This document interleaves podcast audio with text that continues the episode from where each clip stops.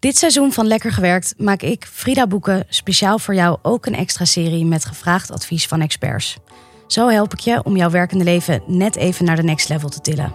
Want hoeveel tijd ben jij per week met je werk bezig? Precies, dan is het niet gek dat je werk wil doen dat echt bij je past en de boel goed wil regelen voor jezelf. En heb jij een oogje op een collega? Luister dan vooral deze podcast.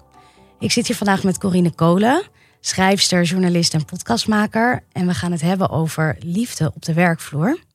Corine houdt zich in haar werk al meer dan 15 jaar volledig bezig met liefde en relaties. En heeft veel mensen gesproken die ook een ontluikende liefde hadden op de werkvloer. En na het luisteren van deze podcast heb je concrete tips, zodat je weet wat je te doen staat als je in vuur en vlam staat voor een collega. Corine, wat leuk dat je er bent. Ja, vind ik ook. Welkom.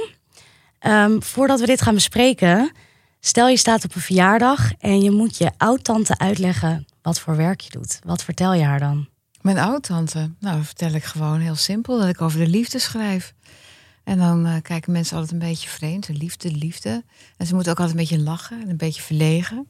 Dat zijn voor, niet vooral de, oud-tantes, maar dat zijn meer de, uh, de, de ouders van uh, de vriendinnen van mijn kinderen of zo, weet je wel. Die Ja. verwachten dat je iets totaal anders gaat zeggen. Of je zegt, mensen vragen wat doe je? En dan zeg je ik ben journalist. En dan zeg je, oh heb je een speciale specialisme? Dan zeg je, ja de liefde. Oh, oh, oh. Dan gaat iedereen dan een beetje, een beetje grinniken. Hoe komt dat, denk je? Ja, dat, is, eh, dat vraag ik me ook altijd af. Nou, ook omdat het natuurlijk.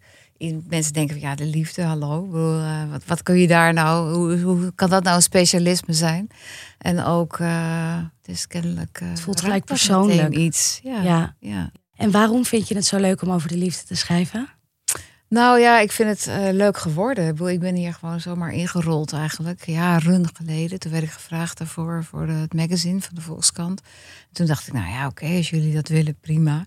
En, het was nog helemaal niet jouw topic. Helemaal zeg maar. niet. Nee, helemaal niet. Het is gewoon allemaal toeval. Zij wilde, er was een nieuwe hoofdredacteur daar op dat eh, magazine. En die dacht van ja, het moet allemaal wat sexier en, en lekkerder. En eh, Spicy. dan hoort er precies spicy. Dan hoort er dus ook liefde bij, hè? dat snap je. En toen, eh, ik werkte daar al. En nou ja, zij dacht van nou, dat is misschien wat voor jou. Zo is het gegaan. En eh, toen had ik een hele leuke rubriek bedacht. Maar het grappige is, als je met een onderwerp heel lang bezig bent, dat weten wetenschappers die zich met mieren bezighouden ook. Maar op een gegeven moment wordt zo'n mier al lang niet meer een mier. Maar dan is het gewoon, je, je, bent bijna vriendjes met die mier, omdat je precies weet hoe zijn gedrag is. En eh, je hebt natuurlijk ook talloze verschillende soorten mieren. Nou ja, weet je, en zoals met de liefde natuurlijk ook. Als je maar lang genoeg ermee bezig bent, dan wordt het niet meer liefde als liefde, maar dan is het, het zo'n breed spectrum. En juist de afgelopen jaren is daar gewoon zoveel bijgekomen. Weet je, er kan veel meer en er mag veel meer. En het is, de liefde is echt in verandering. En dat maakt het voor mij natuurlijk nog super leuker. Ja. En wat zijn de grootste veranderingen die je hebt gezien in de afgelopen jaren dat jij je Nou, bezighoudt met liefde? Nou ja, ik, weet- ik weet nog toen ik begon, toen had je wel eens iemand die polyamoreuze relaties had. En toen was het, oeh, nou dat was wel heel spannend. En hoe zit dat dan? En hoe doen jullie dat dan? Terwijl nu meldt de ene polyamoreuze zich naar de ander, weet je wel. Het is al niet meer zo ontzettend eh, bijzonder. En eh, nou ja, je hebt natuurlijk eh, mensen die eh, in eh, transitie zitten, die melden zich aan. En mensen die eh, non-binair zijn. Broertje, dat, ja, er is gewoon veel Ja. meer te beleven op het ogenblik. Hoe Vroeger was het toch, je was Ook door religie hetero of je was homo. En daar hield het wel zo'n beetje mee op. Hè, toen ik begon, 15 jaar geleden. Ja. En, eh, maar nu zijn mensen, die switchen ook. Gewoon, je, je bent een aantal jaar homo, niemand kijkt er meer van op. Of je valt een aantal jaar op mannen, niemand kijkt er meer van op. Dat je daarna weer op vrouwen valt of, daar, of en weer switch maakt. Weet je, want het is gewoon. En ik heb het natuurlijk nu wel over een extreem. Weet je, dat, dat begint natuurlijk bij de randstad, maar dat gaat als een hele snelle olievlek door eh, heel Nederland. Ik zal niet zeggen meteen door heel Europa, maar je ziet wel dat er echt iets aan het veranderen is. En dat maakt het voor mij natuurlijk heel erg leuk. ja.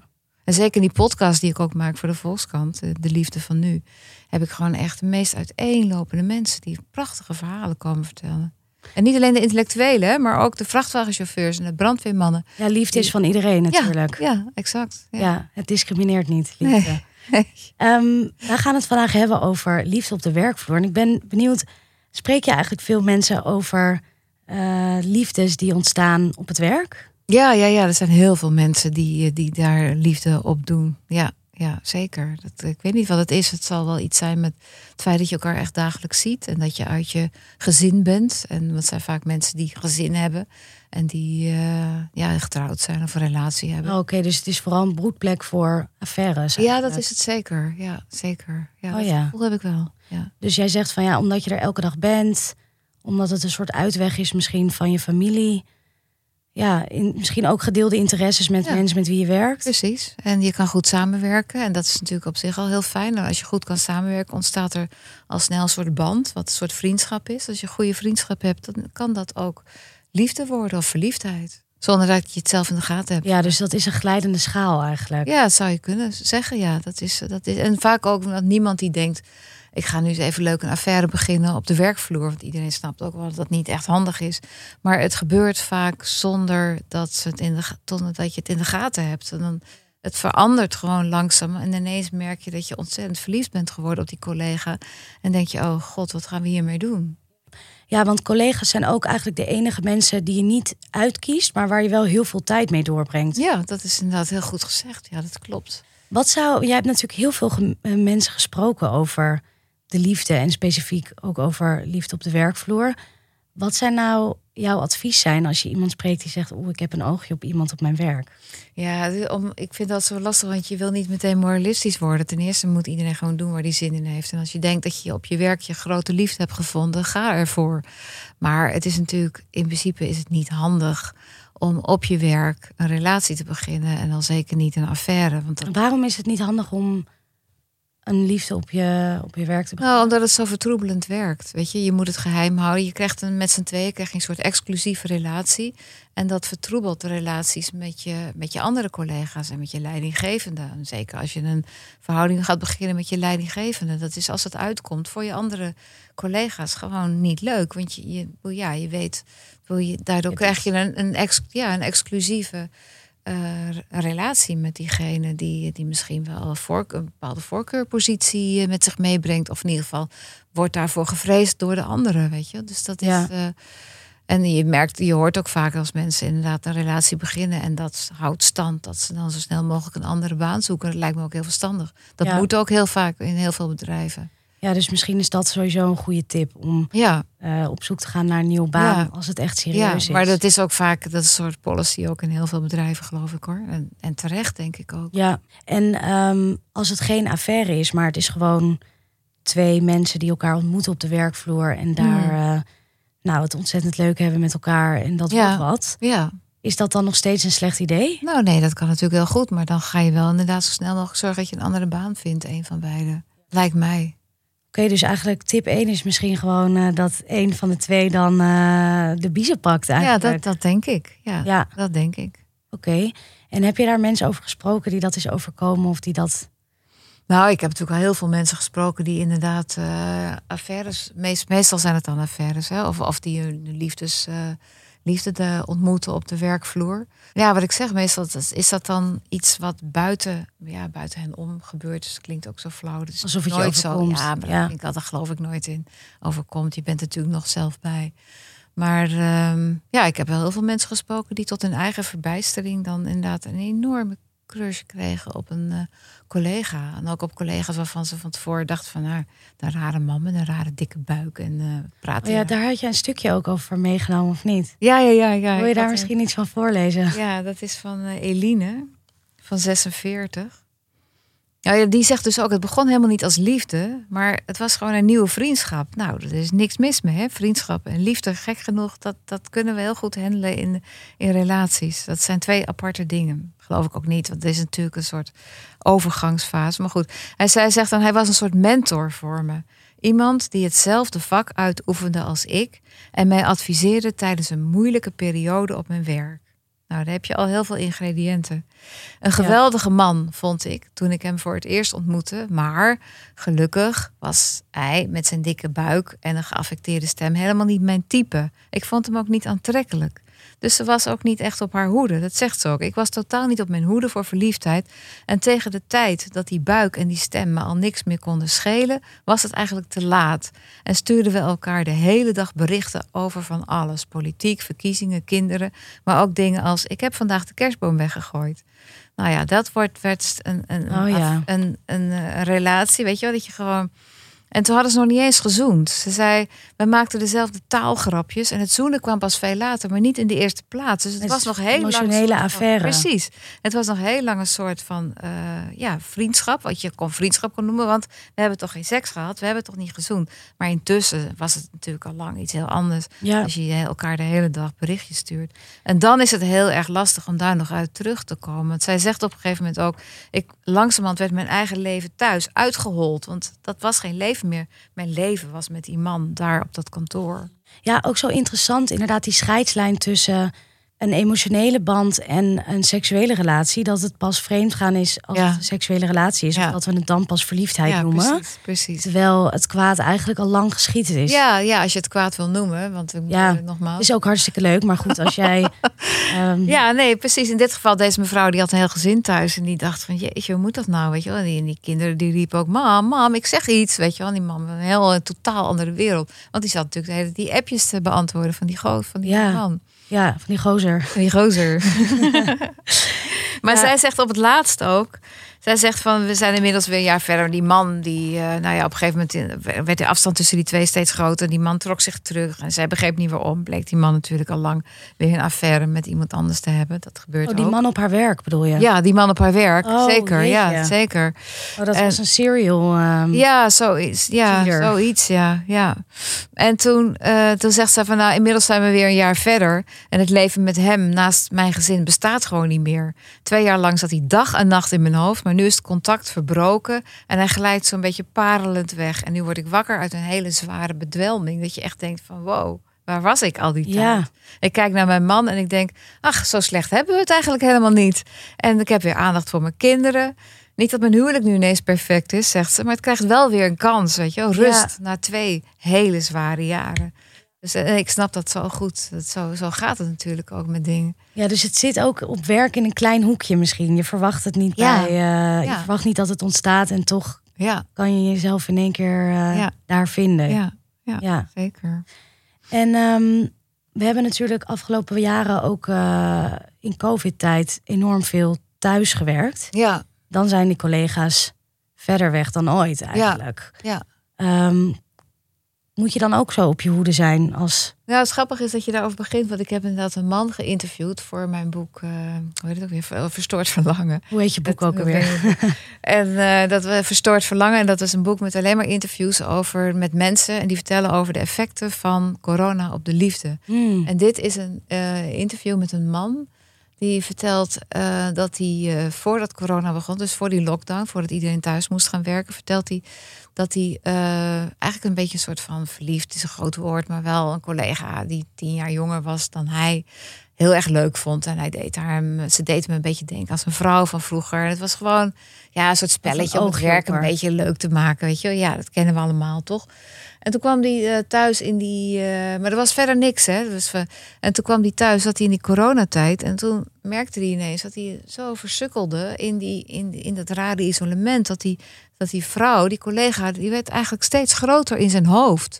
Dus hij ging haar, oh, hij deed helemaal niks op Instagram, maar dan ging hij gewoon op Insta kijken van, hé, hey, wat deed ze? Doet ze allemaal? Oh, dat zijn de, de festivals waar ik vroeger ook kwam. Weet je wel, dus zij speel ging Dat ineens beeld heel grote rol spelen in zijn hoofd, omdat dat hoofd ja, verder natuurlijk Niks ja, te doen leeg, niks te doen had, een beetje leeg was en saaiig. Dus dat was wel eh, dat echt een hele. Kan je daar een leuk stukje over voorlezen? Ehm, ja, dat kan. Hij zegt. eh, door die corona was mijn leven tot stilstand gekomen. Ik kwam de deur niet meer uit. En als ik niet werkte, was ik natuurlijk met de kinderen. Zelf deed ik nooit wat aan Instagram. Maar nu begon ik ineens op Insta naar de foto's van mijn collega te kijken. En ze bleek inderdaad diezelfde festivals te hebben bezocht als ik toen ik haar leeftijd had. Het duurde niet lang of ik dacht de hele dag aan haar. Zij was mijn ultieme ontsnapping aan de eentonigheid. De draad die me verbond met een tijd zonder stress van corona en grote verantwoordelijkheden. Waar zou ze nu zijn? Wat is ze nu aan het doen? Die vragen schoten meermalen per dag door mijn hoofd. Nou ja, Ja. Ja, dus echt projecteren van Ja. wat je zelf mist op iemand die dat misschien helemaal niet is. ja, precies. En deze man die zegt ook pas na de lockdown werd ik heel langzaam wakker. Eigenlijk net als met die vrouw. Hè? Oh ja, Dat je gewoon ineens uit die. Want die verliefdheid is natuurlijk ook een raar soort gekte. Hè? Dat is het met Zijn ook stofjes in je die- hoofd. ja. Die eh, allemaal hele rare dingen met je uitspoken. En eh, dan zegt hij, langzaam werd ik wakker. En er kwam weer wat vaart en lucht in mijn leven. In de zomer gingen we zelfs naar Frankrijk. Weet je, toen kon je weer voorzichtig op reis. En ik verbood mezelf nog langer op haar Instagram te kijken en naar haar muziek te luisteren. Dat was hij ook gaan doen. Hij was voortdurend haar muziek gaan luisteren. die zij deelde of zo op Ja, social media. ja, oh, ja. ja, ja. En toen kwam ik tot bezinning. En nu spreken we elkaar nog wel eens als collega's. En helemaal is het over, is het niet, maar het is wel beheersbaar, zegt hij. En dan zegt hij, vreemd hoe een verliefdheidje zo ongebreideld kan groeien. En zij weet nog steeds van helemaal niks. Nou, En dat is misschien maar beter ook. beter ook. Ja, ik denk dat heel veel mensen dit herkennen vanuit COVID-tijd. Dat ze alleen in eh driehoog achter hebben gezeten. En Ja. eh, zich allerlei voorstellingen hebben gemaakt van Ja, collega's of mensen Ja. om hen heen. ja dat denk ik ook. Ja. Ehm, nou, we hadden het net ook al over nou, twee voorbeelden ook van mensen die een gezin hebben. Eh, er zijn natuurlijk ook veel starters, jonge mensen die Mhm. eh, de arbeidsmarkt betreden. Mhm. Ehm, nou, de vrijmibo is daar eh, een groot onderdeel zeg maar, van de fun voor veel jonge mensen die beginnen met werken. ja. Wat kan je zeggen over die plek of Nou, dat dat is moment wel een broeiplek van, broeiplaats van relaties, ja, die vrij Mibo. Ja, Ik heb zelf nog nooit, want ik ben natuurlijk freelancer, dus ik eh, ken het verschijnsel alleen van een afstand. En van de verhalen van al die mensen die ik spreek.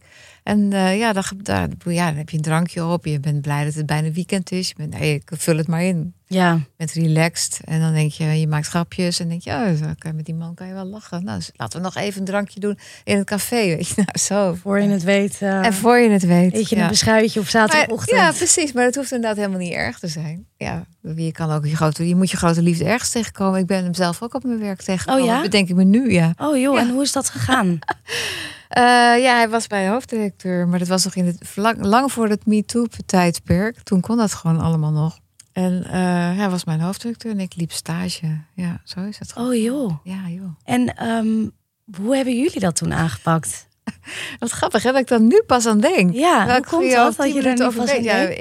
ik, ik bedenk niet dat wij elkaar... Weet je, als ik aan ons denk, denk ik niet aan die werkplek of zo. Weet je, er zijn nog zoveel andere dingen daarna gebeurd.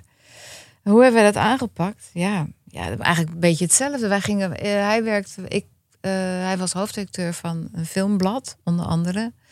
En ik kwam daar als uh, nou, journalist. Ja, eigenlijk wel. Ik studeerde communicatiewetenschappen en ik wilde eigenlijk het liefst schrijven. En hij, ehm, nou ja, zou mij wegwijzen, maar ja, eigenlijk heel simpel, cliché. Zo is het gebeurd. En we organiseerden op een gegeven moment zondagmiddag filmmiddagen in Criterion. En nou, daar moet je voor over vergaderen. Nou ja, je- Ja, daar moet je heel veel over vergaderen. maar dat is eigenlijk wel een beetje het equivalent dan van de vrije ja, ja, ja, ja. dat was het. Ja, zeker. Ja, dat was mijn vrijdagmiddagborrel. Ja. Geen raak. En je noemt net van, ja, dat kon toen nog, eh, eh, want er was toen nog geen MeToo. Maar als jij nu getrouwd bent, gelukkig, dan ja, kijk je daar nu op terug als een MeToo? Nee, helemaal niet. Maar ik denk wel dat, dat, dat, nu toch, dat mensen daar nu toch voorzichtiger mee zijn dan, eh, dan toen. Weet je, er werd toen zoveel gerommeld door iedereen en alles. En, en niemand die had het, weet je, want hij had, was natuurlijk mijn baas. Ja, Eigenlijk kon dat natuurlijk niet. Althans, niet in het huidige tijdperk. Ja. daar toch wel anders naar gekeken. Hij was ook 17 jaar ouder dan ik, weet je. Dus ja, dat, dat, dat zou nu toch wel anders eh, gezien worden. En terecht misschien ook wel, weet ik. wat zou, je, wat zou je aanraden aan mensen die nu verliefd zijn op hun baas? Nou, gewoon open kaart spelen. Gewoon zeggen, ik ben verliefd op je. En eh, wat gaan we hiermee doen? Ben je ook verliefd op mij? En eh, dan, eh, als, er, als er iets uitkomt, nou prima. Maar dan kan je niet meer bij die man als... als dan kan je hem niet meer als je baas hebben. Of is- vrouw? of vrouw. Ja, oh ja, sorry. Nee hoor, Ik was nog even in mijn eigen... snap ik helemaal. Ja, dus dan is duidelijkheid eigenlijk eh, de sleutel. Dat denk ik wel. Ja, duidelijkheid en Ja. openheid. Ja, dat denk ik. Ja. Ja. Ja, want ik, ik sprak laatst ook iemand die was, die was in, zat in het onderwijs, die was een juffrouw van de basisschool. En die had op een gegeven moment kreeg ze een relatie met haar eh, ehm, directeur. Ja. Nou ja, en die hebben dat twee jaar lang, moest zij dat van hem geheim houden. Dat is gewoon heel vervelend. Om twee jaar lang met hem als baas en dan in vergaderingen te doen alsof je elkaar eigenlijk niet beter kent dan als baas en werknemer. Dat is gewoon naar. En dat riekt dan ook wel een beetje naar een bepaalde druk die dan wordt Ja. uitgeoefend. Want Ja, hij is daarin zeg maar de bovenliggende partij qua ja precies. macht Ja, eigenlijk. precies. Ja. ja, en zij schikte zich daarnaar. Maar zij vond het heel vervelend. En ehm, heeft het na twee jaar hebben ze het wel opgebiecht. Nou, nee, er zijn nog veel meer vreselijke dingen gebeurd. Na twee jaar begon hij steeds meer afstand te nemen. En te zeggen dat hij tijd nodig had om met zijn kinderen door te brengen. En eh, nou, uiteindelijk bleek dat hij een relatie had met iemand anders. Maar dan kwam zij pas veel later achter Oh god, via een toeval. Ja, vreselijk. Ja. Ehm, nou, als ik het dan zou moeten samenvatten, dan is de eerste tip toch wel: kijk uit. Het zit in een klein hoekje om verliefd te worden ehm, op een collega.